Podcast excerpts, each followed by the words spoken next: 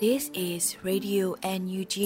the voice of National Unity Government of Myanmar, broadcasting for Myanmar Spring Revolution. Radio NUG is transmitting from shortwave 16 meter 17.79 megahertz at 8:30 a.m. and 25 meter 11.94 megahertz at 8:30 p.m. Myanmar Standard Time. မင်္ဂလာပါရှင်။အမျိုးသားညီညွတ်ရေးအစိုးရရဲ့အတန်လွတ်ဌာန Radio NUG ကိုမန္တပိုင်း၈နိုင်ခွဲမှာလိုင်းတူ6မီတာ19.3ခုကုန်းမဂါဟတ်စ်နဲ့ညပိုင်း၈နိုင်ခွဲမှာလိုင်းတူ25မီတာ17.3ကိုလီမဂါဟတ်စ်တို့မှာဓာတ်ရိုက်ဖမ်းယူနားဆင်နိုင်ပါပြီရှင်။မင်္ဂလာအပေါင်းနဲ့ပြည့်စုံကြပါစေ။အခုချိန်ကစပြီး Radio NUG စီစဉ်လေးကိုဓာတ်ရိုက်အတန်လွှင့်ပေးနေပါပြီ မင်္ဂလာနံနက်ခင်းပါရှင်ရေဒီယို NUG ကိုနားဆင်နေကြတဲ့မိဘပြည်သူများနဲ့မြန်မာနိုင်ငံသူနိုင်ငံသားအပေါင်းတဘာဝပေးဆရာနာရှင်ဘေးတို့ကနေကင်းဝေးပြီးကိုစိတ်နှပါဘေးကင်းလုံခြုံကြပါစေလို့ရေဒီယို NUG အဖွဲ့သားများကဆုတောင်းမေတ္တာပို့သလိုက်ပါတယ်အခုချိန်ကစပြီးဖေဖော်ဝါရီလ28ရက်နေ့ရေဒီယို NUG ရဲ့မနက်ခင်းအစီအစဉ်တွေကိုစတင်ထုတ်လွှင့်ပေးတော့မှာဖြစ်ပါတယ်ပထမအဆုံးအနေနဲ့ ကာကွယ်ရေးဝန်ကြီးဌာနရဲ့စီရေးသတင်းအကျဉ်းချုပ်ကိုတော့ຫນွေဦးမောင်မှဖတ်ကြားတင်ပြပေးမှာဖြစ်ပါတယ်ရှင်။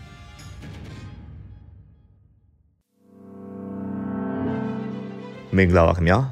ယခုတင်ဆက်ပေးမှာကတော့ကာကွယ်ရေးဝန်ကြီးဌာနအမျိုးသားညီညွတ်ရေးအစိုးရမှထုတ်ဝေသောနိုင်စဉ်စီရေးသတင်းအချင်းချုပ်ပဲဖြစ်ပါတယ်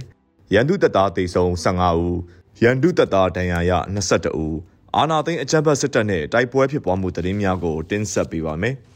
ကရင်နီကရားပြည်နယ်တွင်ဖေဖော်ဝါရီလ26ရက်နေ့မနက်3:45မိနစ်ခန့်ကရှားတော်မြို့နယ်ရှားတော်မြို့၏အရှိတ်9မိုင်ခန့်အကွာရှိတန်လွင်မြစ်ကမ်းခြေဒါတမောစခန်းမှရှားတော်မြို့ဗျူဟာကုန်းသို့ပြည်သူပိုင်မော်တော်ယာဉ်ငယ်များဖြင့်ရန်ကုန်တပ်၏ရှားတော်အခြေဆိုင်ခမာယ428တပ်နှင့်ဂျိုင်းငန်းအခြေဆိုင်ခမာယ913ညတပ်များကရိတ်ခါနှင့်ခဲယမ်းများတဲဆောင်နေစဉ်ရှားတော်မြို့နယ်စလောင်းကျေးရွာကြားချောင်းစုံတနေရာ၌က ရင်နီတပ်မတော် KA နှင့် KNDF ပူးပေါင်းတပ်များကဒနာယီကြာတိုက်ခိုက်ခဲ့ရာရန်သူတပ်သား9ဦးသေဆုံးပြီးအများအပြားထိခိုက်ဒဏ်ရာရရှိခဲ့ကကရင်နီတပ်မတော်တပ်သား2ဦးထိခိုက်ဒဏ်ရာရရှိခဲ့ကြောင်းသိရသည်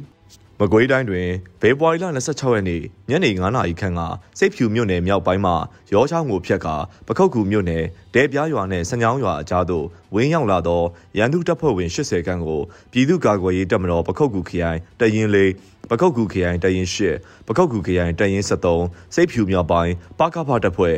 ဗိုလ်မထားပြည်သူ့ကာကွယ်ရေးတပ်ဖွဲ့နဲ့ပေါက်မြို့နယ်အခြေပြုအမည်မသိ drone အဖွဲ့တို့ကစီးနှင်းတိုက်ခိုက်ခဲ့ခြင်းကြောင့်ရန်သူတပ်ဖွဲ့ဝင်10ဦးနဲ့အထက်သေဆုံးနိုင်ပြီး14ဦးခန့်ပြင်းထန်စွာထိခိုက်ဒဏ်ရာရရှိခဲ့သည်။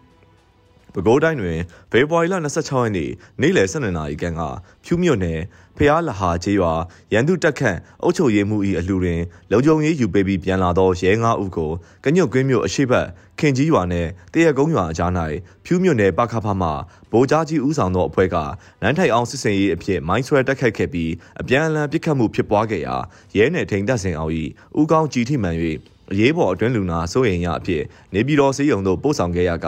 ရဲတပ်ဖွဲ့ဝင်3ဦးဒဏ်ရာရရှိခဲ့ပြီးပြည်သူ့ကာကွယ်ရေးတပ်ဖွဲ့ဝင်များအထိခိုက်မရှိအန္တရာယ်ကင်းစွာဆုတ်ခွာနိုင်ခဲ့သည် ဖေဖော်ဝါရီလ26ရက်နေ့ည8:30ခန်းကဝေါမြို့နယ်ဖျားပြိုကျေးရွာအထွက်ရှိရန်သူတပ်သားရဲပြူစောတီမိသက်စုစုပေါင်းအင်အား10ဦးခန့်လုံခြုံရေးယူထားသည့်စစ်ဆေးရေးဂိတ်ကိုဝေါမြို့နယ်ပခဖနန်းထိုင်အောင်စစ်စင်ရေးအဖြစ်ဝင်ရောက်ပစ်ခတ်တိုက်ခိုက်ခဲ့ရာရန်သူတပ်များဘက်က2မိနစ်ခန့်သာပြန်လည်ပစ်ခတ်နိုင်ခဲ့ပြီးရာအိမ်မှုတအုပ်နဲ့မိသက်ဝန်ထမ်း2ဦးပွဲချင်းပြီးတေဆုံးခဲ့သည်ထို့အပြင် ရန်သူတပ်တက်ချက်ကြီးတအူဒုရဲအုပ်တအူနဲ့ပြူစောတိနှစ်ဦးတို့အပြင်းထန်ဒဏ်ရာရရှိခဲ့ပြီးအရေးပေါ်အတွင်းလူနာစိုးရိမ်ရအဖြစ်ရန်ကုန်စေယုံကြီးတို့ပို့ဆောင်ခဲ့ရကပြည်သူ့ကာကွယ်ရေးတပ်ဖွဲ့ဝင်များအထိကိမရှိအောင်မြင်စွာဆုတ်ခွာနိုင်ခဲ့ကြောင်းသိရသည်ဆက်လက်ပြီးအာနာသိန်းအကြမ်းဖက်စစ်တပ်ကျူးလွန်သောရာဇဝတ်မှုများကိုတင်ဆက်ပေးပါမယ်။ စကိုင်းတိုင်းတွင်ဖေဖော်ဝါရီလ29ရက်နေ့မနက်9:55မိနစ်ခန့်ကဘူးတလင်မြို့နယ်ဘူးတလင်မြို့စီတာအရက်ဆိုင်တွင်ရှိပြည်သူ၃ဦးကိုရန်သူတပ်သားများကဖမ်းဆီးခဲ့သည်ဖေဖော်ဝါရီလ29ရက်နေ့နေ့လယ်2:55မိနစ်ခန့်ကမြောင်မြို့နယ်မြောင်မြို့မြောင်ရက်ကွက်မှအရက်သားတဦးဖြစ်သူကိုဖြိုးဝေလင်းကိုရန်သူတပ်ကဖမ်းဆီးခဲ့သည် ဖေဖော်ဝါရီလ26ရက်နေ့မနက်6နာရီခန့်ကစကိုင်းမြို့နယ်ရွာတကြီးကျေးရွာတက်တော်ရဘုံကြီးကျောင်းကိုပြည်တော်သားကျေးရွာအုပ်ချုပ်ရေးမှူးမမောင်စိုး၏လမ်းပြမှုဖြင့်တပ်မ33ရန်သူတပ်ဖွဲ့ကစီးနင်းခဲ့ပြီးစစ်ဆောင်ပြည်သူလက်ခံထားသည့်တက်ရာကျော်ကျောင်းမှဘုံကြီးတစ်ပါးနဲ့ဝေယဝစ်စာပြုလုပ်သူအမျိုးသားလေးဦးကိုဖမ်းဆီးခဲ့ရာဘုံကြီးကားကိုပါတင်စီသွားခဲ့သည် ယခုတင်ဆက်ပေးခဲ့တာကတော့ကာကွယ်ရေးဝန်ကြီးဌာနအမျိုးသားညီညွတ်ရေးအစိုးရမှထုတ်ဝေသောနိုင်စဉ်စီရေးတရင်အချင်းချုပ်ပဲဖြစ်ပါတယ်ကျွန်တော်ကတော့ຫນွေဦးမှာပါ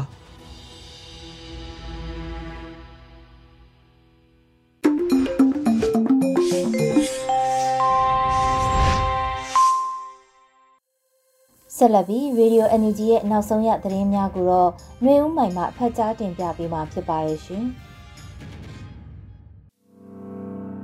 မင်္ဂလာပါရှင်အခုချိန်ကစပြီး Radio UNG ရဲ့ February လ28ရက်နေ့ပြည်တွင်းသတင်းများကိုတင်ပြပေးပါတော့မယ်ကျွန်မຫນွေဦးမိုင်းပါ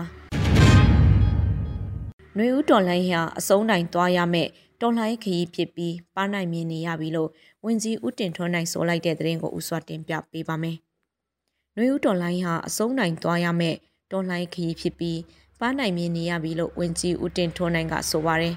ဖေဖော်ဝါရီလအတွင်းကျင်းပတဲ့ One Day Challenge နဲ့မြေပြင်အခင်းကျင်းမြင်းမြန်တွေ့ဆုံပွဲမှာစီမံဘဏ္ဍာဝန်ကြီးဦးတင်ထွန်းနိုင်ကပြောပါရယ်ဒီဒေါ်လာရေးသည်အဆုံးနိုင်သွားရမယ့်ခရီးဖြစ်ပါတယ်။ပန်းနိုင်လည်းမြင်နေရပါပြီ။မြင်နေရတဲ့အတွက်အကုန်လုံးအားတင်းပြီးကျွန်တော်တို့ချီတက်ကြပါလို့ဝန်ကြီးကဆိုပါရယ်2021ခုနှစ်စက်တင်ဘာလ9ရက်မှာပြည်သူ့ခုခံတွန်းလှန်စစ်များစတင်ဖို့အမျိုးသားရင်ငွေရေးအစိုးရကကြေညာခဲ့ပါတယ်။ လက်ရှိမှာတနစ်တာမဟာဗျူဟာစီမံချက်ကို ရေးဆွဲကစစ်ရေးနိုင်ငံရေးတန်တမာရေးစတဲ့စစ်မျက်နှာပေါင်းစုံဖွင့်ကစစ်ကောင်စီကိုအမြင့်ပြစ်ချင်းမုန်းလက်ရှိပါရရှင်ဆလပီ NUG အစိုးရကနှစ်နှစ်အတွင်းမှာလူသားချင်းစာနာတဲ့အကူအညီ6ဘီလီယံနီးပါးထောက်ပံ့ကူညီနိုင်ခဲ့တဲ့တဲ့ရင်ကိုတင်ပြပေးပါမယ်။ NUG အစိုးရကနှစ်နှစ်အတွင်းမှာလူသားချင်းစာနာတဲ့အကူအညီ6ဘီလီယံနီးပါးထောက်ပံ့ကူညီနိုင်ခဲ့တယ်လို့ပြည်ထောင်စုဝန်ကြီးဒေါက်တာဝင်းမြတ်အေးကဆိုပါတယ်။ဖေဖော်ဝါရီလအတွင်းကျင်းပတဲ့ One Day Challenge နဲ့မြေပြင်အခင်းချင်းမြေမြန်တွေ့ဆုံပွဲမှာပြည်ထောင်စုဝန်ကြီးဒေါက်တာဝင်းမြတ်ဤကပြောပါရယ်ပြည်သူကပြည်သူအကူအညီနဲ့ပဲဆောင်ရွက်ခဲ့တာနှစ်နှစ်ပြည့်ခဲ့ပြီးနှစ်နှစ်အတွင်းမှာဆောင်ရွက်နိုင်ခဲ့တာ6ဘီလီယံကျပ်နီးပါးထောက်ပံ့နိုင်ခဲ့ပြီးပြီဖြစ်တယ်လိုအပ်ချက်ကတော့ဒီထက်မကဘူး လိုအပ်ချက်ကိုသိဖို့ဆိုပြီးတော့အဓိကဒုက္ခရောက်နေတဲ့စကိုင်းမကွေးဒေသပါဝင်တိုင်းသားဒေသများကိုလေ့လာစမ်းစစ်ပါတယ်လို့ဆိုပါတယ်အဆိုပါလူသားချင်းစာနာမှုအကူအညီလိုအပ်တဲ့နေရာများကိုလေ့လာစမ်းစစ်၍အစီရင်ခံစာထုတ်ကာနိုင်ငံတကာအကူအညီများရရှိရေးဆောင်ရွက်နေတယ်လို့သိရပါတယ်ရှင်။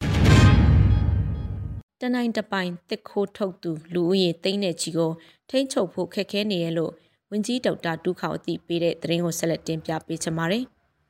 တပိုင်တနိုင်တစ်ခိုးထုတ်သူလူဦးရေသိန်းနဲ့ချီကိုထိန်းချုပ်ဖို့ခက်ခဲနေတယ်လို့ဝင်ကြီးဒေါက်တာတူးခေါကပြောပါတယ်။ဖေဖော်ဝါရီ26ရက်ကျင်းပတဲ့ Global Town Hall Meeting မှာတယံဇာတာနဲ့တဘာဝပတ်ဝန်းကျင်ထိန်းသိမ်းဝင်ကြီးဒေါက်တာတူးခေါင်ကဆိုပါတယ်။အလောင်းတော်ကတ္တပလိုနေရာမျိုးမှာဧရိယာအကုန်လုံးကိုထိန်းသိမ်းဖို့ကကျွန်တော်တို့လူနေနေနဲ့ဘယ်လိုမှမဖြစ်နိုင်ပါဘူး။ အခုဆိုလူတွေကတောထဲမှာစစ်အသေးတွေနဲ့တကူစာထုတ်နေတဲ့တစ်တွေကိုကျွန်တော်တို့ထိန်းချုပ်ဖို့ခက်ခဲပါတယ်။ဒီဟာတွေကိုပြန်ပြီးဝယ်တဲ့လက်ကြီးတပားတွေကိုပဲထိန်းချုပ်ဖို့ပေါ့တချို့တဝက်ကိုလမ်းမှာကျွန်တော်တို့ဖမ်းမိတာရှိရလို့ဝင်ကြီးကဆိုပါတယ်လက်ရှိချိန်ထိခိုးထုတ်တဲ့တစ်တန်ထောင်နဲ့ချီဖမ်းဆီးရမိခဲ့ပြီးတော့အဆိုပါတစ်များကိုပြည်သူများထံပြန်လည်မျှဝေခြင်းစာတင်ကြောင်းများဆောက်လုပ်ခြင်းနဲ့ဘုံခိုခြင်းများအတွက်အသုံးပြုခြင်းတို့လှုပ်ဆောင်နေတယ်လို့သိရပါတယ်ရှင် ဆက်လက်ပြီးစစ်ကောင်စီရဲ့တရားရုံးတွေမှာအသက်မပြည့်သေးတဲ့ကလေးကအစမတရားစီရင်ခံနေရတယ်လို့ NUG လူအခွင့်အရေးဆိုင်ရာဝန်ကြီးဆိုတဲ့သတင်းကိုတင်ပြပေးပါမယ်။စစ်ကောင်စီရဲ့တရားရုံးတွေမှာအသက်မပြည့်သေးတဲ့ကလေးကအစမတရားစီရင်ခံနေရတယ်လို့ NUG လူအခွင့်ရေးဆိုင်ရာဝန်ကြီးဦးအောင်မျိုးမင်းကဆိုပါတယ်။ဖေဖော်ဝါရီ26ရက်ကျင်းပတဲ့ Global Town Hall Meeting မှာလူခွင့်ရေးဆိုင်ရာဝန်ကြီးဦးအောင်မျိုးမင်းကပြောပါတယ်။အခုဆိုဖမ်းသွားတယ်။ တီဖို့ကများနေတဲ့အခြေအနေဖြစ်နေတယ်။ကိုယ်အိမ်မှာနေတာမိရှို့တယ်တက်ဖြတ်တယ်။ထွက်ပြေးနေရတဲ့ဘဝမှာတရားဥပဒေစိုးမိုးမှုတော့ရှိမှာမဟုတ်ဘူး။ဒါဆိုတရားရုံးတွေကရောအားကိုးရလားဆိုရင်တရားရုံးတွေမှာပဲမတရားသေးတမ်းပေးခံရတဲ့ကိုချင်းမီတို့အမှုတွေရှိတယ်။တရားရုံးမှာပဲစီရင်လိုက်ပြီးတော့မမျှမတနဲ့ထောင်ဒဏ်200ကျော်ကြတဲ့ NLD ကိုယ်စားလှယ်တွေလွှတ်တော်ကိုယ်စားလှယ်တွေရှိပါတယ်။ အသက်မပြည့်သေးတဲ့ကလေးကအစတရားစီရင်ခံရတာရှိပါတယ်လို့ဝန်ကြီးကဆိုပါတယ်။ဒါ့အပြင်ဆိုပါစစ်ရာဇဝတ်မှုနဲ့ရာဇဝတ်မှုများကျူးလွန်နေတဲ့အကြမ်းဖက်စစ်အုပ်စုများကိုနိုင်ငံတကာတရားစီရင်ရေးကဏ္ဍများမှာအရေးယူနိုင်ဖို့အရေး NUG လို့ခွင့်ရေးဆိုင်ရာဝန်ကြီးကဆောင်ရွက်ပေးနေတယ်လို့ဆိုပါရရှင်။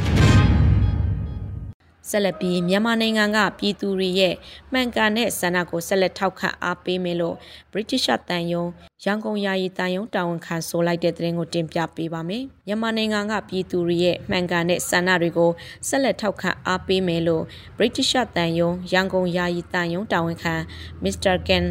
O'Flaherty ကဆိုပါတယ်။ February 29ရက်မှာ British တန်ယုံရန်ကုန်ကအတီးဖေးပေါ်ပြပါတယ်။မြန်မာနိုင်ငံမှာ UK ကို ကိုစားပြုခွင့်ရခြင်းဟာအခွင့်ထူးပါပဲလွတ်လပ်ရေးနဲ့ဒီမိုကရေစီအရေးတို့အတွက်မြန်မာနိုင်ငံကပြည်သူတွေရဲ့မှန်ကန်တဲ့ဆန္ဒတွေကိုဆက်လက်ထောက်ခံအားပေးဖို့မျှော်လင့်နေပါတယ်လို့ဆိုပါတယ်မစ္စတာကန်အော်ဖယ်လီကရန်ကုန်မြို့ရှိ British တန်ယုံတွင်ယာယီတန်ယုံတောင်ခံဖြစ်တာဝန်ယူလိုက်တာဖြစ်ပါတယ်မစ္စတာအော်ဖလီဟာရီဟာတန်တမန်တဦးဖြစ်ကရခင်ကပါရီတိုကျိုယောမနဲ့ဘရပ်ဆဲလိုတွင်တာဝန်ယူခဲ့ပါတယ်ရှင် ဆက်လက်ပြီးရခိုင်နယ်ဆက်လုံခြုံရေးကအများကြီးစိတ်ချရတဲ့အနေအထားမျိုးတော့မဟုတ်ပဲစစ်ကောင်စီတပ်နဲ့ရခိုင်တပ်တော်အေအေတို့နှစ်ဖက်စစ်ရေးပြင်ဆင်ထားမှုရှိရလို့ဆိုတဲ့သတင်းကိုတင်ပြပေးပါမယ်။ရခိုင်နယ်ဆက်လုံခြုံရေးကအများကြီးစိတ်ချရတဲ့အနေအထားမျိုးတော့မဟုတ်ပဲစစ်ကောင်စီတပ်နဲ့ရခိုင်တပ်တော်အေအေတို့နှစ်ဖက်စစ်ရေးပြင်ဆင်ထားမှုရှိရလို့ရခိုင်တပ်တော်အေအေပြောရေးဆိုခွင့်ရှိသူခိုင်တုခကပြောပါတယ်။ ဖေဖော်ဝါရီ29ရက်ကျင်းပတဲ့ ULA AA သတင်းစာရှင်းလင်းပွဲမှာပြောရေးဆိုခွင့်ရှိသူခိုင်တုခကဆိုပါတယ်။ရခိုင်နယ်ဆက်လုံခြုံရေးကအများကြီးစိတ်ချရတဲ့အနေအထားမျိုးတော့မဟုတ်ပါ။စစ်ကောင်စီဘက်ကလည်းသူတို့ဘက်ကဖျက်တမ်းသွားလာတဲ့အခါကျွန်တော်တို့ဘက်ကိုအကြောင်းကြားတယ်အသိပေးတာမျိုးရှိပါတယ်။စစ်ကောင်စီဘက်မှလူသူလက်နက်ရိတ်ခါဖြည့်တာရှိပါတယ်။အခြားတစ်ဖက်မှာစစ်ရေးပြင်ဆင်နေတာရှိပါတယ်။ စစ်ရေးမှာသူ့ဖက်ကိုဖက်ပြင်ဆင်နေတာရှိပါတယ်လို့ဆိုပါတယ်ရခိုင်ပြည်နယ်မှာ2020ကနေ2022ခုနှစ်တွင်ဖြစ်ပွားခဲ့တဲ့တိုက်ပွဲတွေကြောင့်ဒေသခံပြည်သူပေါင်း300ကျော်သေဆုံးခဲ့ရပြီးပြည်သူပေါင်း900ခန့်ထိခိုက်ဒဏ်ရာရရှိခဲ့ပါတယ်ရှင်။ရောင်နီလာယာလန်ရုပ်ရှင်ကိုမတ်လ18ရက်လန်ဒန်မှာပြသမဲ့သတင်းကိုတင်ပြပေးချင်ပါတယ်။ရောင်နီလာယာလန်ရုပ်ရှင်ကိုမတ်လ18ရက်မှာလန်ဒန်မှာပြသမယ်လို့သတင်းရရှိပါတယ်။ ဖေဖော်ဝါရီ29ရက်မှာဒါရိုက်တာကိုပေါက်ရဲ့ရုပ်ရှင်ပြသရေးကော်မတီကအတည်ပြုထားပါတယ်။မတောင်မီသောမိုးခွာရဲ့ရုပ်ရှင်ကိုလှုပ်လှုပ်ရှားရှားကြရက်တွေထားအောင် First Day First Show မှာဝိုင်းဝန်းပေးခဲ့ကြတဲ့လန်ဒန်ကပရိသတ်ကြီးကိုကိုပေါက်ကမတ်လ18ရက်နေ့ရောက်နေလာရလမ်းမှာထပ်ဆောင်ချင်ပါတယ်တဲ့ UK တဝမ်းကအမျိုးများအားပေးကြပါအောင်လို့ဆိုပါတယ်။ဒါတာကိုပေါက်ရဲ့ရောင်နီလာယာလန် documentary ရုပ်ရှင်ကို London Comedy Show ပြပွဲရုံမှာ March 18ရက်နေ့ပြသမှာဖြစ်ပါတယ်။လက်မှတ်များကိုနီးစပ်ရာ fundraiser များမှ၎င်း MEUK page မှာတော့၎င်းဝယ်ယူရရှိနိုင်ပါတယ်ရှင်။ဆက်လက်ပြီး Project Horizon campaign မှာ10ရက်အတွင်းမဲ့ကန်ဒေါ်လာ3,400ရရှိထားတဲ့သတင်းကိုတင်ပြပေးချင်ပါတယ်။ Project Horizon Campaign မှ10ရက်အတွင်း American Dollar 3,400ရရှိထားတယ်လို့သတင်းရရှိပါတယ်။ဖေဖော်ဝါရီ29ရက်မှာ88မျိုးဆက်မနီလာသိန်းကအတီးပေးဖော်ပြထားပါတယ်။ Project Horizon အတွက်နိုင်ငံစုံအလိုက် fundraiser များကိုလည်းမနီလာသိန်းရဲ့လူမှုကွန်ရက်မှာဖော်ပြထားပါတယ်။အောင်မြင်ထိရောက်တဲ့မြေပြင်မရှင်တွေများများဖော်ဆောင်နိုင်ဖို့ fixed wing drone တွေများများတက်ဆင်နိုင်ဖို့ drone တပ်ဖွဲ့တွေအင်အားတောင့်တင်းဖို့ drone နည်းပညာတွေအဆင့်မြင့်မားလာဖို့ project Horizon မှာပါဝင်အားဖြစ်ပေးနိုင်မှာဖြစ်ပါတယ်ရှင်။ဆက်လက်ပြီးအကြမ်းဖက်စစ်အုပ်စုကြောင့်နေဦးတော်လှန်ရေးကာလအတွင်းကြာဆုံးခဲ့ရသူစုစုပေါင်းမှာ3062ဦးထိရှိလာတဲ့တဲ့ရင်ကိုတင်ပြပေးပါမယ်။အကြမ်းဖက်စစ်အုပ်စုကြောင့်နေဦးတော်လှန်ကာလအတွင်းကြာဆုံးခဲ့ရသူစုစုပေါင်းမှာ3062ဦးထိရှိလာပါတယ်။ ဖေဖော်ဝါရီ29ရက်မှာစစ်အာဏာသိမ်းပြီးနောက်လက်တလောဖြစ်ပေါ်လက်ရှိသောအခြေအနေများနဲ့ပတ်သက်၍ AAPP ကအတည်ပြုဖော်ပြပါရယ်2021ခုနှစ်ဖေဖော်ဝါရီ1ရက်နေ့မတရားစစ်အာဏာလုမှုဖြစ်စဉ်ကိုစန့်ကျင်ခဲ့ကြသောဒီမိုကရေစီရေးလှုပ်ရှားသူများနဲ့ပြည်သူများ၏နှွေးတော်လှန်ကာလတွင်ကြာဆုံးခဲ့ရသူစုစုပေါင်းမှာ 3062ဦးရှိခဲ့ပြီးဖြစ်တယ်လို့ဆိုပါတယ်။ဖေဖော်ဝါရီလ24ရက်နေ့တွင်ရှမ်းပြည်နယ်ပင်လောင်းမြို့နယ်ရှိတောင်စလုံးကျေးရွာမြောက်စလုံးကျေးရွာနဲ့ကောင်းမဲတင်ကျေးရွာတို့ကိုဖဲခုံမြို့ခြေဆိုင်အကြမ်းဖက်စစ်အုပ်စု၏အမှတ်9စစ်စင်ရေးကွက်ကဲမှုဌာနချုပ်မှတိုက်ပွဲဖြစ်ပွားခြင်းမရှိဘဲလလက်နက်ကြီးများဖြင့်ရန်တမ်းပစ်ခတ်ခဲ့သောကြောင့်တောင်စလုံးကျေးရွာမှအမျိုးသမီးတဦးလက်နက်ကြီးထိမှန်သေဆုံးခဲ့ရပါတယ်ရှင်။မုံ ရွာမြို့နယ်မြို့သစ်ရက်ကွက်နှင့်စစ်မှုထမ်းဟောင်းတအူစစ်ကောင်စီတပ်တရင်ပေး၍ရှင်းလင်းခံရပြီးလက်ပစ်ပုံးတစ်လုံးသိမ်းဆည်းရမိတဲ့တရင်ကိုဆက်လက်တင်ပြပေးပါမယ်။မုံရွာမြို့နယ်မြို့သစ်ရက်ကွက်နှင့်စစ်မှုထမ်းဟောင်းတအူစစ်ကောင်စီတပ်တရင်ပေး၍ရှင်းလင်းခံရပြီးလက်ပစ်ပုံးတစ်လုံးသိမ်းဆည်းရမိခဲ့ပါတယ်။ဖေဖော်ဝါရီ29ရက်မုံရွာဗန္ဓုလနဲ့အဖွဲ့သားများအဖွဲ့ကအတိပေးဆိုပါတယ်။ စကိုင်းတိုင်းဒေသကြီးမုံရွာမြို့နယ်မြို့တစ်ရက်ကွက်နေသူစစ်မှုထမ်းဟောင်းဦးသားနိုင်ကနမခလူယုံဖြစ်ပြီးစားနပ်ရိက္ခာနဲ့စကောင်စီတရင်ပေးလို့တည်ရပါတယ်ပြည်သူများတရင်ပေးဖို့ချင်းကြောင့်ကျွန်တော်တို့စောင့်ကြည့်ခဲ့ရကြပြီဖြစ်ပါတယ်လို့ဆိုပါတယ်စစ်စင်ရေးကိုမုံရွာဘာနုလာနဲ့အဖွဲ့သားများအဖွဲ့တစ် Black Falcon မြို့တွင်ပျောက်ကြားတပ်ဖွဲ့ Braveheart Army BHA နဲ့ Special Force 11 PDF တို့မှပူးပေါင်း၍ ဒုတက်ချက်စစ်မှုထမ်းဟောင်းဦးတန်းနိုင်ဆိုသူအားရှင်းလင်းခဲ့ပြီးမပုံတည့်ချက်လက်များနဲ့လက်ပြက်ပုံတံဖျာတီးတလုံးသိမ်းဆီးရမိခဲ့ပါရရှင်ရေစကြိုမြို့နယ်မင်းရွာရှိပြူစခန်းဟာကာကွယ်တပ်များပူးပေါင်းတိုက်ခိုက်တဲ့တဲ့ရင်ကိုနောက်ဆုံးတင်ပြပေးချင်ပါတယ်။မကွေတိုင်းရေစကြိုမြို့နယ်မင်းရွာရှိပြူစခန်းအားကာကွယ်တပ်များပူးပေါင်းတိုက်ခိုက်ခဲ့ပါတယ်။ဖေဖော်ဝါရီ29ရက်မှာစစ်ရေးတဲ့ရင်ကို သွေးတောက် Revolution Force ကတီးပြုတ်ဆိုပါတယ်။ရေစကြိုမြို့နယ်မင်းရွာပြူရွာပြူစခန်းအားဖေဖော်ဝါရီ29ရက်နံနက်တွင်သွေးတောက် Revolution Force ပခုတ်ကိုခရိုင်တပ်ရင်း30တပ်ခွဲ2နဲ့လက်ယုံတပ်များမှမင်းရွာပြူကျေးရွာအတွင်းသို့ဝင်ရောက်တိုက်ခိုက်ပြီး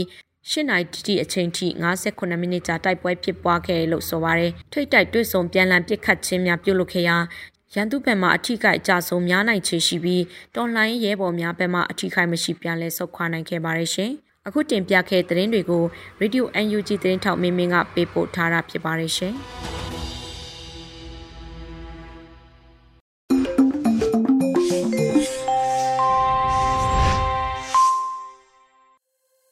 ရေဒီယိုအန်ဂျီကဆက်လက်အသံလွှင့်ပေးနေပါတယ်အခုတခါနားဆင်ရမှာကတော့လူခွင့်ရေးဆိုင်ရာဝန်ကြီးဌာနကစီစဉ်တင်ဆက်တဲ့ အတင်းကျပ်ရွှေ့ပြောင်းခြင်းလို့အမည်ရတဲ့လူအခွင့်ရေးစကားသံအစီအစဉ်ကိုနားဆင်ရမှာဖြစ်ပါတယ်ရှင်။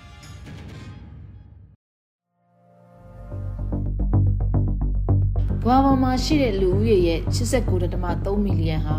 full displacement လို့ခေါ်တဲ့အတင်းအကျပ်ရွှေ့ပြောင်းမှုတွေကိုရင်ဆိုင်နေကြရတာပါ full displacement လို့ခေါ်တဲ့အတင်းကျပ်ရွှေ့ပြောင်းခြင်းဆိုတာဘာလဲ full displacement ဆိုတာကတော့တဦးချင်းပဲဖြစ်ဖြစ် community လို့ခေါ်တဲ့လူစုကိုပဲဖြစ်ဖြစ်လက်နက်ကင်ပြိပခတွေအကြမ်းဖက်မှုတွေလူခွင့်ရေးချိုးဖောက်မှုတွေဖွံ့ဖြိုးရေးစီမံချက်တွေနဲ့တဘာဝဘေးရန်တွေဒါမှမဟုတ်လို့ရှိရင် man made disaster လို့ခေါ်တဲ့လူတွေကပြုတ်လုတဲ့နော်ဘေးရန်တွေတွေစတဲ့အချက်တွေကြောင့်မို့လို့မိမိတို့ရဲ့နေအိမ်အခြေချနေထိုင်ရာနေရာကနေပြီးတော့မှထွက်ခွာသွားဖို့အတွက်အတင်းအကျပ်ဖိအားပေးတာအတင်းအဓမ္မရွှေ့ပြောင်းတာထွက်ခွာသွားရတာမျိုးပါ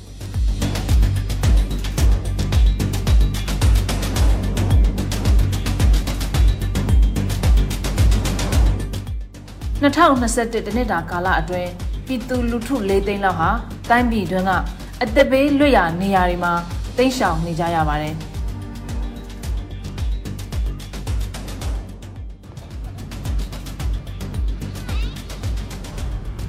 တစ်တမ2မီလီယံကတော့မြန်မာနယ်စပ်တွေမှာရှောင်တိန်နေထိုင်ကြရတာပါ။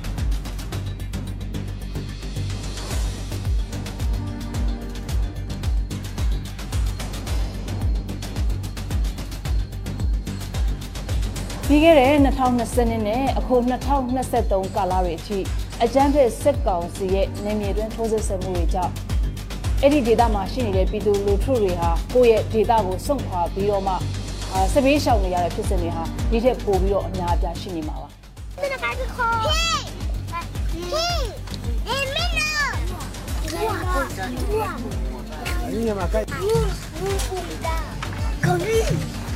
အတင်းအကျပ်ရွှေ့ပြောင်းခြင်းနဲ့ပတ်သက်ပြီးတော့နိုင်ငံတကာလူခွင့်ရေးဥပဒေတွေမှာအတိအကျထည့်သွင်းပြဋ္ဌာန်းထားတာမျိုးမရှိပေမဲ့လူတယောက်ဟာကိုယ့်ရဲ့တိုင်းပြည်အတွင်းမှာလွယ်လွယ်လပ်သွားလာခွင့်ကိုနေထိုင်မဲ့နေရာကိုစိတ်ကြိုက်ရွေးချယ်ခွင့်တွေရှိပါတယ်။အဲ့ဒီအပြင်လူနေမှုအဆင့်အတန်းရရှိခွင့်နေအိမ်နဲ့အစားအစာရရှိခွင့်တွေအပါအဝင်မိသားစုတွေကိုလေးလေးစားစားဆက်ဆံခံပိုင်ခွင့်ရှိကြောင်းအပီပီဆိုင်ရာလူ့ခွင့်ရေးဥပဒေတွေမှာထည့်သွင်းပြဋ္ဌာန်းထားပြီးဖြစ်ပါတယ်။ အယက်သားပြည်သူတွေကိုတနေရာကနေတနေရာကိုယ့်ရဲ့နေအိမ်ကနေပြီးတော့မှเนาะရွှေ့ပြောင်းစေဖို့အတွက်ဆိုလို့ရှိရင်တော့ကန့်သက်လို့ရတဲ့အခြေအနေအချို့တော့ရှိပါတယ်အဲ့ဒါတွေကတော့ National Security လို့ခေါ်တဲ့နိုင်ငံတော်လုံခြုံရေးသို့မဟုတ် Public Order လို့ခေါ်တဲ့အများပြည်သူတည်ငြိမ်အေးချမ်းရေးပြည်သူလူထုကျန်းမာရေးသို့မဟုတ်အကျဉ်းစာရိတ္တအခြားသူများ၏အခွင့်အရေးကိုကာကွယ်ရန်စတဲ့ရည်ရွယ်ချက်တွေအသက်တာဥပဒေပြဋ္ဌာန်းပြီးတော့ကန့်သက်နိုင်ပါတယ်။ အဲ့ဒီလိုမျိုးဥပဒေနဲ့ပြဋ္ဌာန်းတဲ့အခါမှာဘယ်လိုအခြေအနေမျိုးမှမှခွဲခြားဆက်ဆံတဲ့ဥပဒေကိုပြဋ္ဌာန်းတာမျိုးမရှိဘဲနဲ့ဒီပြဋ္ဌာန်းလိုက်တဲ့ဥပဒေဟာဆိုလို့ရှိရင်နိုင်ငံတကာဥပဒေတွေစံချိန်စံညွှန်းတွေနဲ့ကိုက်ညီရမှာဖြစ်ပါတယ်။လက်နက်ကင်ပြည်ပခါကဲသို့သောအရေးပေါ်အခြေအနေတွေမှာညာရီကန့်သတ်မှုတွေပြုလုပ်နိုင်ပါတယ်။ အဲ့ဒီလိုအခြေအနေမျိုးမှာတောင်မှနိုင်ငံတကာလူသားချင်းစာနာမှုဆိုင်ရာဥပဒေတွေနဲ့အညီအုပ်ချုပ်ရမှာဖြစ်ပါတယ်။အကြံဖက်စစ်ကောင်စီကတော့လက်နက်ကင်ခုခံမှုတွေအကောင့်တဲ့ဒေသတွေဖြစ်တဲ့စကိုင်းတိုင်း၊ပဲခူးတိုင်း၊မကွေးတိုင်း၊တနင်္သာရီတိုင်း၊ဝန်ပြည်နယ်၊ကရင်ပြည်နယ်၊ချင်းပြည်နယ်၊ကယားပြည်နယ်တွေကမြို့နယ်38မြို့နယ်ကိုပြီးခဲ့တဲ့ဖေဖော်ဝါရီ2ရက်နေ့မှာဆက်အုပ်ချုပ်ရေးကြေညာလိုက်ပါတယ်။ဒီလိုကြေညာလိုက်တာဟာအရှိမပြောခဲ့တဲ့ ပြည်သူလူထုကိုကာကွယ်ပေးဖို့ဆိုတဲ့ရည်ရွယ်ချက်နဲ့ထုတ်ပြန်ကြေညာလိုက်တာမဟုတ်ပဲပြည်သူလူထုရဲ့အပေါ်မှာနှိပ်ကွပ်ဖို့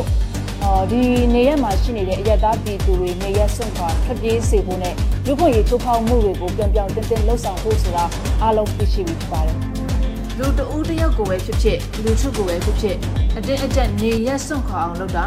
ပြိပခတွေအတွင်းမှာအယက်သားပြည်သူတွေအပေါ်ဥတီချက်ထားပြီးအသက်အိုးအိမ်စီးစိမ်တွေကိုဖြစ်စည်းခြင်းတာမကအတင်းအကျပ်နေရရွှေ့ပြောင်းခြင်းတွေကိုလှုပ်ဆောင်ခြင်းဟာ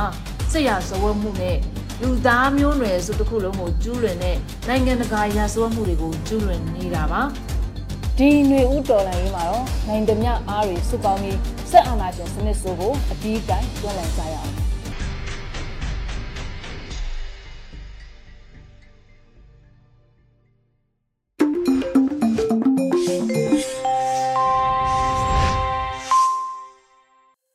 ဆက်လက်ပြီးပြည်သူခုခံစစ်သတင်းများကိုတော့နှွေဦးလင်းမှဖတ်ကြားတင်ပြပေးမှာဖြစ်ပါတယ်ရှင်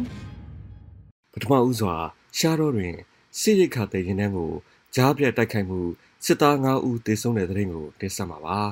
။ကီနီပြည်နယ်ရှားတော်မြို့နယ်တွင်စစ်ရိတ်ခါတဲ့ရင်တန်းကိုကြားပြတ်တိုက်ခိုက်ခံခဲ့ရပြီးစစ်သား9ဦးသေဆုံးကြောင်းကီနီစစ်ပတ်ဆိုင်ရာဗဟိုသတင်းထုတ်ပြန်ရေးဖွဲ့ကဆိုပါတယ်။ဖေဖော်ဝါရီလ26ရက်နေ့တရားပြည်နယ်ရှားတော်မြို့နယ်တွင် အိမ်စီးကားများဖြင့်ရိတ်ခါတည်နေသည့်ရင်တန်းကိုကြားဖြတ်တိုက်ခိုက်မှုစစ်သား9ဦးသေဆုံးကြောင်းယမနေ့နနက်3:45မိနစ်တွင် ရှားရောမြို့တန်လွင်မြကန်းချေတောတမာစခန်းမှရှားရောမြို့ဗျူဟာကုန်းသို့ပြည်သူပိုင်ကားဖြင့်ရိတ်ခါတည်ဆောင်လာသည့်ရင်တန်းကိုရှားရောမြို့နယ်စလောင်းရွာကြားချောင်းဆုံးတနေရာတွင် KNA တပ်မတော် K နှင့် KNDF တို့ကဖျက်တောက်တိုက်ခိုက်ခဲ့ပြီးတနအီကြာတိုက်ပွဲဖြစ်ပွားခဲ့ကြောင်းသိရပါဗျ။ စေနန်းတွင်ရှားတော်မြို့နယ်တွင်းရှိဒေသကွက်ကဲမှုစစ်ဌာနချုပ်လောက်ခံခမာယာ428နဲ့ရှမ်းပြည်ဘက်မှဆင်းလာသည့်ခမာယာ930တို့စစ်သားများပါဝင်ပြီးတိုက်ပွဲတွင်ရိတ်ခါပို့ရင်နှန်းပေါ်လိုက်ပါလာသည့်စစ်သား9ဦးသေဆုံးပြီးအများအပြားထိခိုက်ဒဏ်ရာရရှိခဲ့ကလန်ကင်းလုံခြုံရေးယူပေးသည့်စစ်သားများက87မမလက်နက်ကြီးများဖြင့်ပြစ်ကူပေးသောကြောင့် KNY ရဲဘော်တအူးထိခိုက်ဒဏ်ရာရရှိခဲ့ကြောင်းသိရပါသည်။မြင်းမှုတွင် စစ်တပ်နဲ့ PDF မဟာမိတ်တပ်များအကြားတိုက်ပွဲဖြစ်ပွားပြီးနှစ်ဖက်အကြဆုံးရှိတဲ့သတင်းကိုတင်ဆက်ပါမယ်။စကိုင်းတိုင်းမြင်းမှုမြို့နယ်တွင်စစ်ကောင်စီတပ်နဲ့ PDF မဟာမိတ်တပ်ပေါင်းစုများအကြားယမနေ့တိုက်ပွဲပြင်းထန်ပြီးနှစ်ဖက်အကြဆုံးရှိတယ်လို့ငင်းကြံခရိုင်0ပျောက်ကြားတပ်ဖွဲ့မှတာဝန်ရှိသူတဦးကရန်ကုန်ခေတ်သစ်သတင်းဌာနသို့ပြောဆိုပါတယ်။ယမနေ့ဖေဖော်ဝါရီလ26ရက်နေ့နနက်9:00နာရီခန့်အချိန်မြင်းမှုမြို့နယ်ကံတော်ကြီးရွာအနီးသို့ အင်အား80ခန့်ဖြင့်ကလေးငယ်2ဦးကိုဖမ်းဆီးပြီးဇီရိုပျောက်ကြားတပ်ဖွဲ့၏ယာယီစခန်းရှိရာနေရာသို့စစ်ကြောင်းထိုးဝင်ရောက်ခဲ့ကြောင်းပြည်သူ့ကာကွယ်တပ်ဖွဲ့များကတိုက်မိုင်းနေမိုင်းများဖြင့်လက်နက်ကြီးလက်နက်ငယ်များဖြင့်ကြံလည်တိုက်ခတ်ခဲ့ရာည9နာရီခန့်အထိတိုက်ပွဲပြင်းထန်ခဲ့ကြောင်းသိရပါတယ်။အဆိုပါတိုက်ပွဲတွင်အကြမ်းဖက်စစ်တပ်ဘက်မှ18ဦးသေဆုံးပြီးဗိုလ်ကြီးတဦးခြေထောက်ဒဏ်ရာရရှိခဲ့ကြောင်းစားတောင်မူကြိုတပ်ဖွဲ့မှ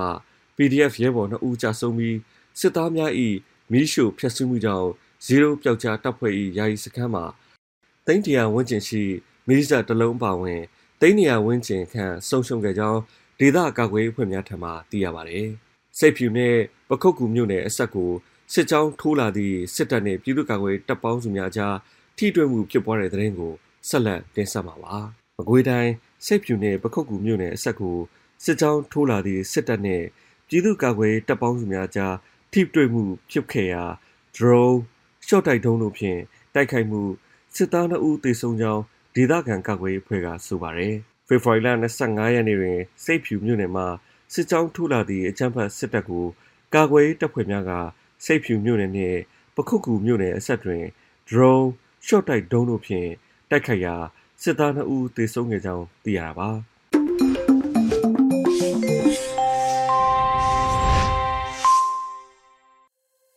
ရေဒီယိုအန်ဂျီရဲ့မနက်ခင်းအစီအစဉ်နောက်ဆုံးအဖြစ် PPTV ရဲ့နေ့စဉ်သတင်းများကိုတော့တထက်အင်ဒရာအောင်မှဖတ်ကြားတင်ပြပေးမှာဖြစ်ပါတယ်ရှင်။အခုချိန်ကစပြီး PPTV သတင်းတွေကိုတင်ဆက်ပေးတော့မှာပါ။ကျွန်မထထက်အင်ဒရာအောင်ပါ။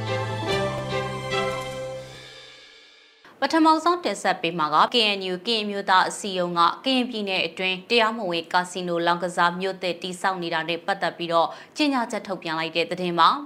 KNU ကရင်မျိုးသားအစည်းအရုံးကကရင်ပြည်နယ်အတွင်းတရားမဝင်ကာစီနိုလောင်ကစားမြို့သစ်တိစောက်နေတာနဲ့ပတ်သက်ပြီးတော့ကြေညာချက်တစ်စောင်ကိုမနေ့ညကထုတ်ပြန်လိုက်ပါတယ်။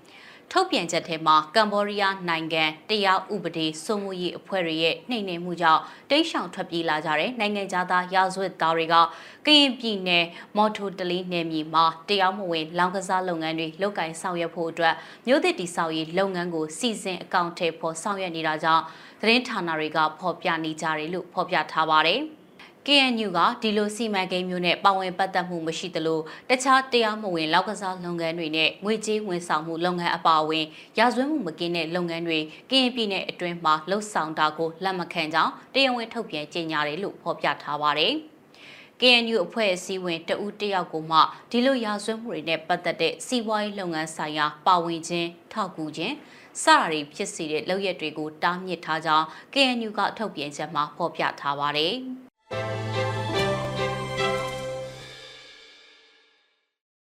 ထန်တလန်တိုက်ပွဲအတွင်းအကြမ်းဖက်စစ်တပ်ရဲ့ထောက်ပို့ရဟရင်နှစ်စီးကိုထိခိုင်အောင်လုပ်နိုင်ခဲ့ပြီးစစ်ကောင်စီတပ်သား20ဦးသေဆုံးတဲ့တဲ့တင်ကိုတင်ဆက်ပေးကြပါမယ်။ချင်းပြည်နယ်ထန်တလန်မြို့မှာရက်ပေါင်း60အတွင်းအကြမ်းဖက်စစ်ကောင်စီဘက်ကထောက်ပို့လာတဲ့ရဟရင်နှစ်စီးကိုထိခိုင်အောင်လုပ်နိုင်ခဲ့ပြီးတော့စစ်ကောင်စီတပ်သား20ဦးသေဆုံးခဲ့တယ်လို့ CDF ထန်တလန်ကထုတ်ပြန်ပါတယ်။ ပြီးခဲ့တဲ့နှစ်ဒီဇင်ဘာလ29ရက်နေ့ကနေယခုနှစ်ဖေဖော်ဝါရီလ26ရက်နေ့အထိရပ်ပေါင်း60အတွင်း Chinland Defense Force ထန်တလန်နဲ့ Chin National Army တို့ပူးပေါင်းပြီးတော့ဆောင်ရွက်ခဲ့တာပါအဲ့ဒီတိုက်ပွဲအတွင်းအကြမ်းဖက်စစ်ကောင်စီတပ်သားတွေအတွက်ထောက်ပို့ဖို့လာတဲ့ MI-70 Transport Helicopter ရဟရင်နှစ်စီးရဲ့အစိတ်ပိုင်းတချို့ကိုထပ်မံပြီးတော့ဖျက်ဆီးနိုင်ခဲ့ပါတယ်။ အကြမ်းဖက်တပ်သားနေရဲ20ဦးသေဆုံးခဲ့ပြီးတော့25အထိထိခိုက်ဒဏ်ရာရရှိခဲ့တဲ့အပြင်6ဦးအရှင်ဖမ်းမိတယ်လို့ထုတ်ပြန်ချက်မှာဖော်ပြထားပါတယ်။ထန်တလန်မြို့ရင်းကရဲစခန်းကိုတိုက်ခိုက်သိမ်းယူနိုင်ခဲ့တာတွေအပြင်တနက်90ကျော်အထိသိမ်းဆီရယူနိုင်ခဲ့တယ်လို့သိရပါတယ်။ဒီပြင်အကြမ်းဖက်စစ်ကောင်စီတပ်သားနဲ့ရဲတွေနေရာယူထားတဲ့ရဲစခန်းအတွင်းမှာရှိတဲ့အိမ်ခွန်းနှလုံးကိုမိရှို့ဖျက်ဆီးနိုင်ခဲ့ပါတယ်။ တိုက်ပွဲဖော်ဆောင်တဲ့ရပ်ပေါင်း60အတွင်းအကြမ်းဖက်စစ်တပ်ဘက်ကတိုက်လီရင်နဲ့ရဟတ်ရင်တွေနဲ့အချိန်ပေါင်း65ချိန်ပစ်ခတ်တိုက်ခိုက်ခဲ့ပါတယ်။တိုက်ပွဲဝင်ဖော်ဆောင်တဲ့ CDF ထန်တလန်ရဲဘော်၄ဦးနဲ့ CNA ရဲဘော်2ဦးတို့ကလည်းချင်းလန့်အတွက်အသက်ပေးလှူခဲ့ကြတယ်လို့ CDF ထန်တလန်ကထုတ်ပြန်ထားပါတယ်။အကြမ်းဖက်စစ်တပ်ဘက်ကတိုက်လီရင်နဲ့ရဟတ်ရင်အပြင်လက်နက်ခဲရင်ကအစအင်အားအလွန်ကျွံတုံပြီးတော့တိုက်ပွဲဖော်ဆောင်နေတဲ့အတွက်စီးရေးတင်းမာနေတာကြောင့် ပြည်သူတွေတတိပြုသွားလာကြဖို့တိုက်တွန်းထားပါတယ်။ဒီကနေ့ကတော့ဒီညနေပဲ Radio NUG ရဲ့အစီအစဉ်လေးကိုခေတ္တရ延လိုက်ပါမယ်ရှင်။မြန်မာစံတော်ချိန်မနေ့၈နိုင်ခွဲနဲ့ည၈နိုင်ခွဲအချိန်တွေမှာပြောင်းလဲဆိုပြကြပါလို့ရှင်။ Radio NUG ကိုမနေ့ပိုင်း၈နိုင်ခွဲမှာလိုင်းတူ16မီတာ19.7 MHz နဲ့ညပိုင်း၈နိုင်ခွဲမှာလိုင်းတူ25မီတာ 17.6 MHz တို့မှာဓာတ်ရိုက်ဖမ်းယူနားဆင်နိုင်ပါပြီရှင်မြန်မာနိုင်ငံသူနိုင်ငံသားများကိုစိတ်နှဖျားစမ်းမချမ်းသာလို့ဘေးကင်းလုံခြုံကြပါစေလို့ Radio NUG ရဲ့ဖွဲ့သူဖွဲ့သားများကဆုတောင်းလိုက်ရပါတယ်။ San Francisco Bay Area အခြေစိုက်မြန်မာမိသားစုများနိုင်ငံတကာကစေတနာရှင်များလိုအားပေးများရဲ့ Radio NUG ဖြစ်ပါတယ်ရှင်။အရေးတော်ပုံအောင်ရမည်။ よし。